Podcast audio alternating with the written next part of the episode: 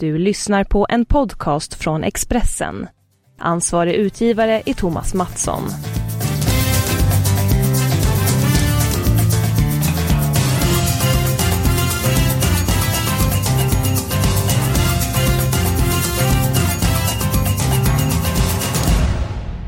Fotbolls-VM är över men ni ska ha tröst för Premier League är bara några veckor borta. Men vi lugnar oss en stund innan vi snackar Premier League.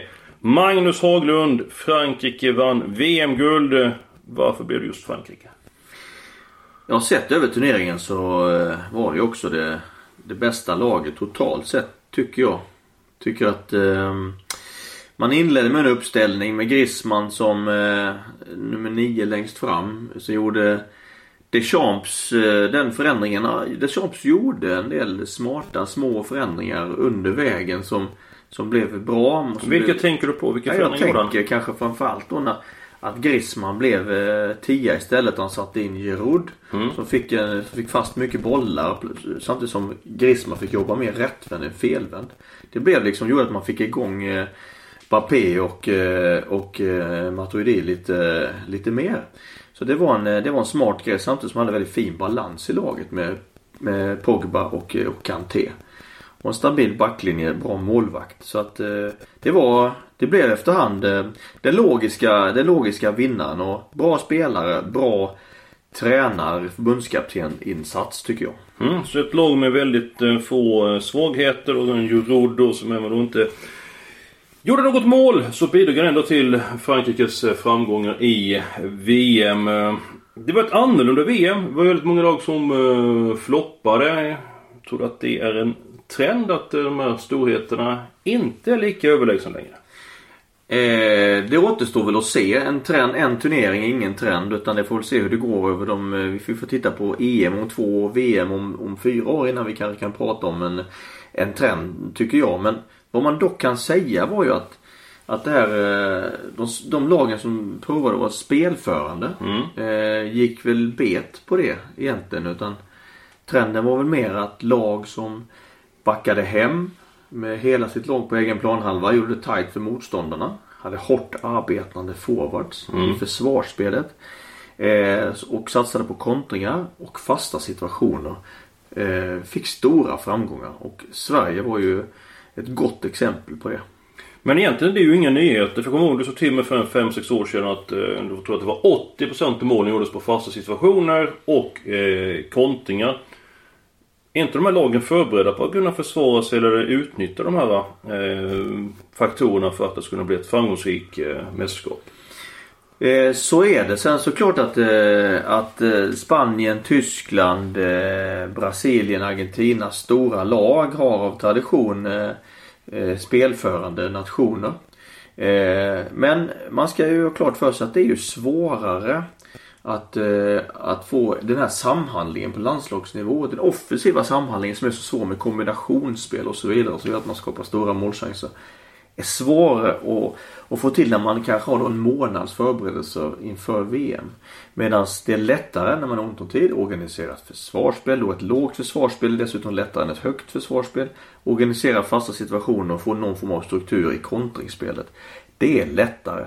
Och det har de flesta lagen, liksom nationerna, insett att vi gör, vi gör de sakerna rätt så kan vi, kan vi komma ganska långt. Så det var, en, det, blev, det var ju en tydlig trend i det här världsmästerskapet. Om vi tar Spanien då som eh, dominerade totalt då för x antal år sedan och vann allt. Var helt på fint spel, kortpassningsspel, motståndaren är inte med.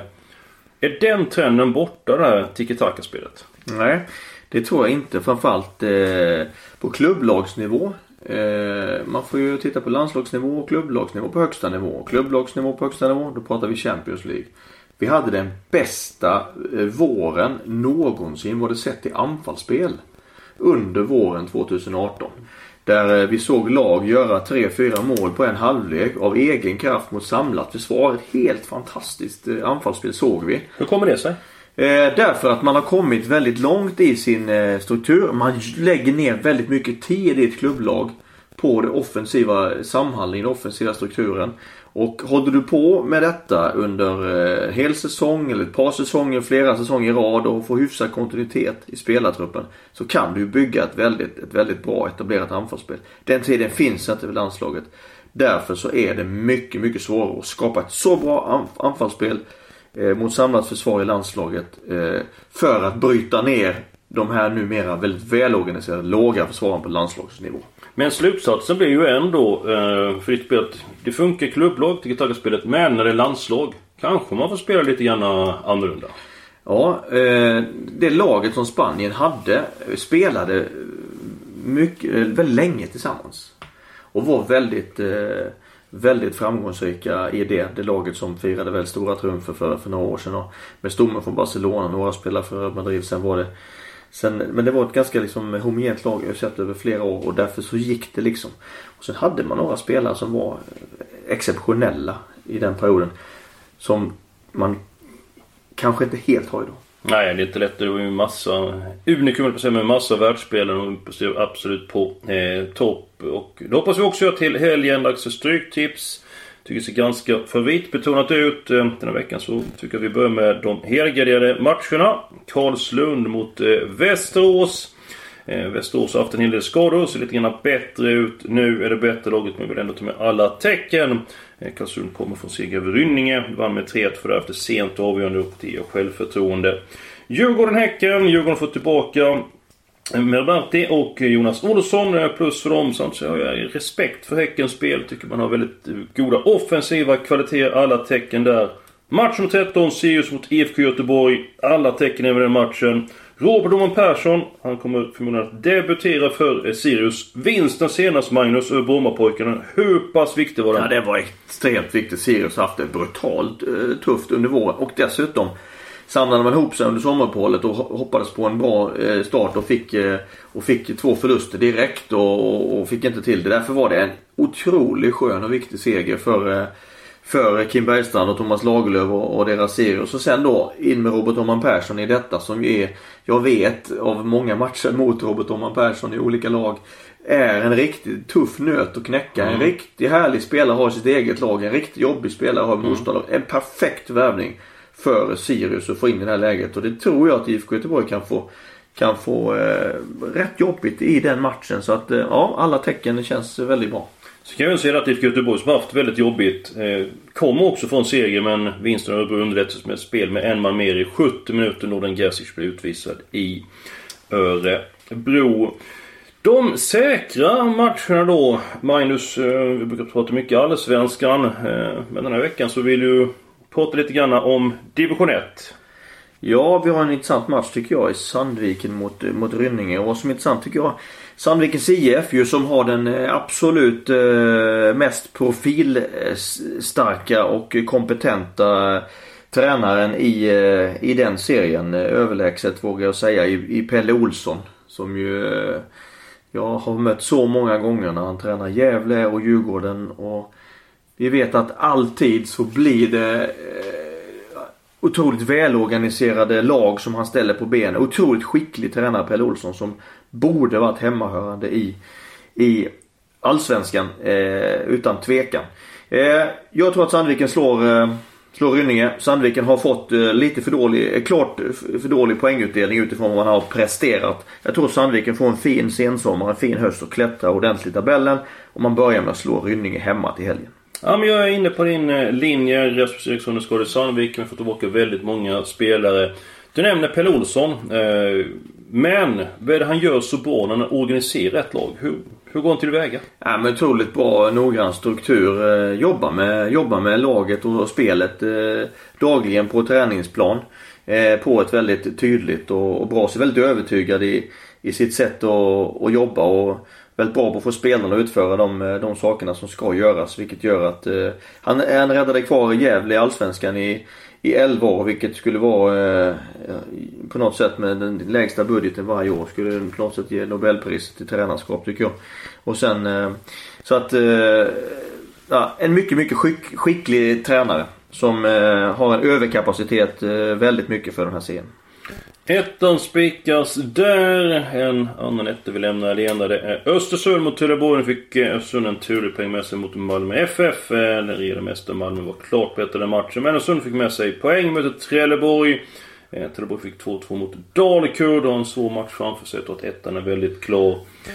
Den, eh, en annan match vi spikar. Match nummer 11. AIK mot Brommapojkarna. Jag tror att AIK har god chans att vinna SM-guld. Sebastian Larsson kanske debuterar i Allsvenskan för eh, AIK.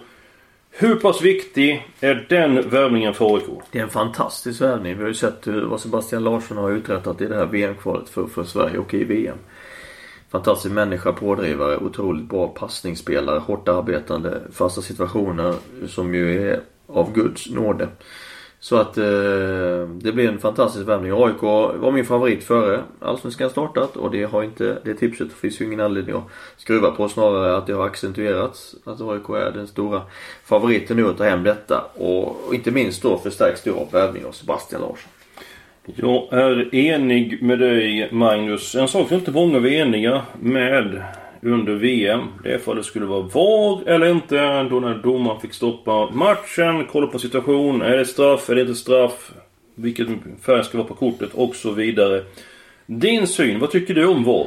Ja, vad, vad konsekvenserna var. Jag tror att det här med att vi såg så många fler mål på fasta situationer. Att det var en konsekvens av VAR. Vi har aldrig haft så många straffsparkar tilldömda. Mm. Eh, som det här VMet. Vi, och och så många mål på hörnor och kantfrisparkar heller inte gjort sedan 1966. Mm. Eh, så är statistik på. Alltså, det var inte ens vi födda på den Nej, tiden. det var inte, inte, inte ens vi. Eh, det gjordes alltså 70, 73 mål av 169 i VM gjordes på fasta situationer. Och det är alltså en eh, det är alltså en, en väldigt hög, jag tror det är 43 procent. Jag tror vi aldrig har varit uppe i den, eller ja, då sedan 1966. Och det var ju också en konsekvens av för man blir lite snällare i sin, man, det, blir, det blir färre töjdragningar, det blir mm. färre, man blir lite mindre brysk i det defensiva spelet för man riskerar att få en straffspark på sig. Det blir ett renare spel mm. i straffområdet och det är inget snack om att vi välkomnar det. Sen det är klart att vi vill inte ha tusen avbrott i matcherna som gör att matcherna blir långa som helst. Man får alltid lägga till 6-7 minuter i tillägg mm. för det har varit för mycket, eh, för mycket eh, tittande på den här TVn. Och Sen är det, är det sorgligt att se de här spelarna springa och teckna det här tecknet för, eh, för TV-apparaten. Det blev också eh, rejält eh, trött på. Det borde ju vara klockren varning på det eh, med en gång. Så att eh, det fanns många plussidor. Det fanns någon, någon eh, nedsida. Men när det här satt sig så tror jag att när domarna lär sig hantera det och inte ha det som som liksom någon livlina utan istället att man liksom vågar ta lite beslut. Men någon gång när det kan finnas en osäkerhet att använda sig av det så tror jag det blir riktigt bra till slut. Sen är det så att det var inte varje match som VAR användes och jag tyckte inte det tog så lång tid utan jag tyckte det var bra för det innebär att brott lönar sig inte alltså. Du ska inte kunna fuska utan annars ska du kunna ta det och det är inte så att det är någon frispark mitt på plan utan de här svåra situationerna som granskas. Så att jag ger tummen upp för VAR. Ja, det gör jag också. Eh, och jag tyckte det blev bättre utöver turneringen. Och jag tror med, med lite bortopererande av de här barnsjukdomarna så blir det en bra grej. Ishockeyn, ishockeyn har ju ingen väg tillbaka. De tog in detta för ganska många år sedan och, och ser ju egentligen bara fördelar med det. Mm, absolut, så vi tror att det kommer eh, stanna. Eh, innan vi lämnar snacket om VM så var det en spelare som jag blev oerhört imponerad av. Jag förtjust i hans spelstil väldigt länge. Luka Modric. Alltså han var ju oerhört bra. Eh, har ju en hög, eh, väldigt... Eh, eh, när han passar, passningssäkerheten den är ju enorm med tanke på att han slår så många offensiva passningar. Eh, för mig så var han VMs bästa eh, spelare. Vem tyckte du var allra bäst i VM? Eh, jag tar då eh, Mbappé som för mig var kanske den mest, eh, den mest spektakulära på något sätt eh, i positiv mening. Så jag säger det. Eh, men jag är också väldigt förtjust i Modric. Jag säger Bappé. Bappé som man ska uttala sig. Man ska inte säga Mbappé, man ska säga Bappé har vi lärt oss. Bappé, det det beror Min franska den har stora brister. Men det borde få påminnelse att jag säger rätt. Bappé. Alltså.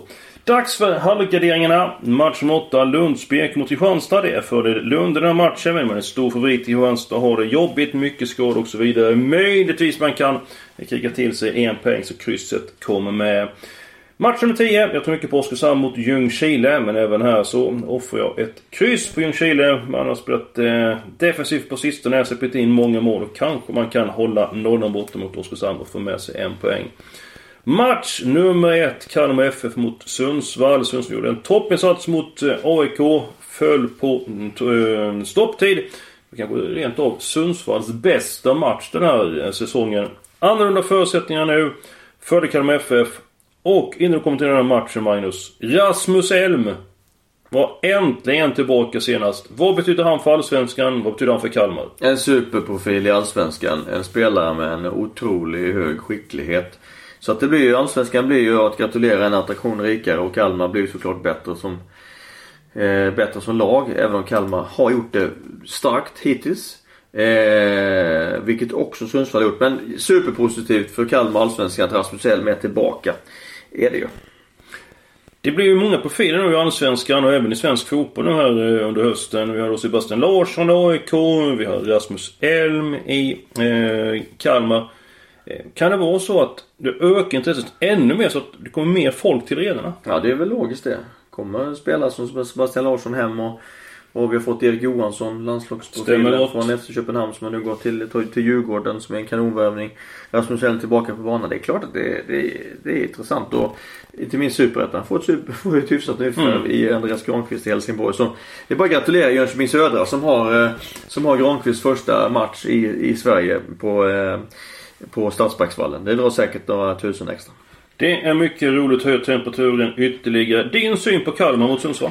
Ja, jag tror Kalmar, eh, jag tror Kalmar vinner matchen. Jag är som du också imponerad av Sundsvalls insats eh, senast eh, mot AIK. Jättebra match. Har gjort många bra matcher över året. Joel Cedergren har gjort kanonjobb. Flyttat fram lagets kapacitet och förmåga. Fast han ständigt egentligen tappar spelare.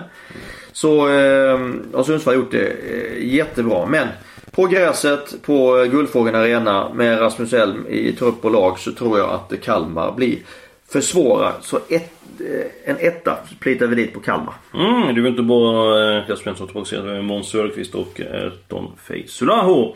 Vi får se hur det går i den matchen. En sak som är säker att nästa vecka är vi tillbaka med en ny podd, nya idéer och fram till dess får ni ha det riktigt bra.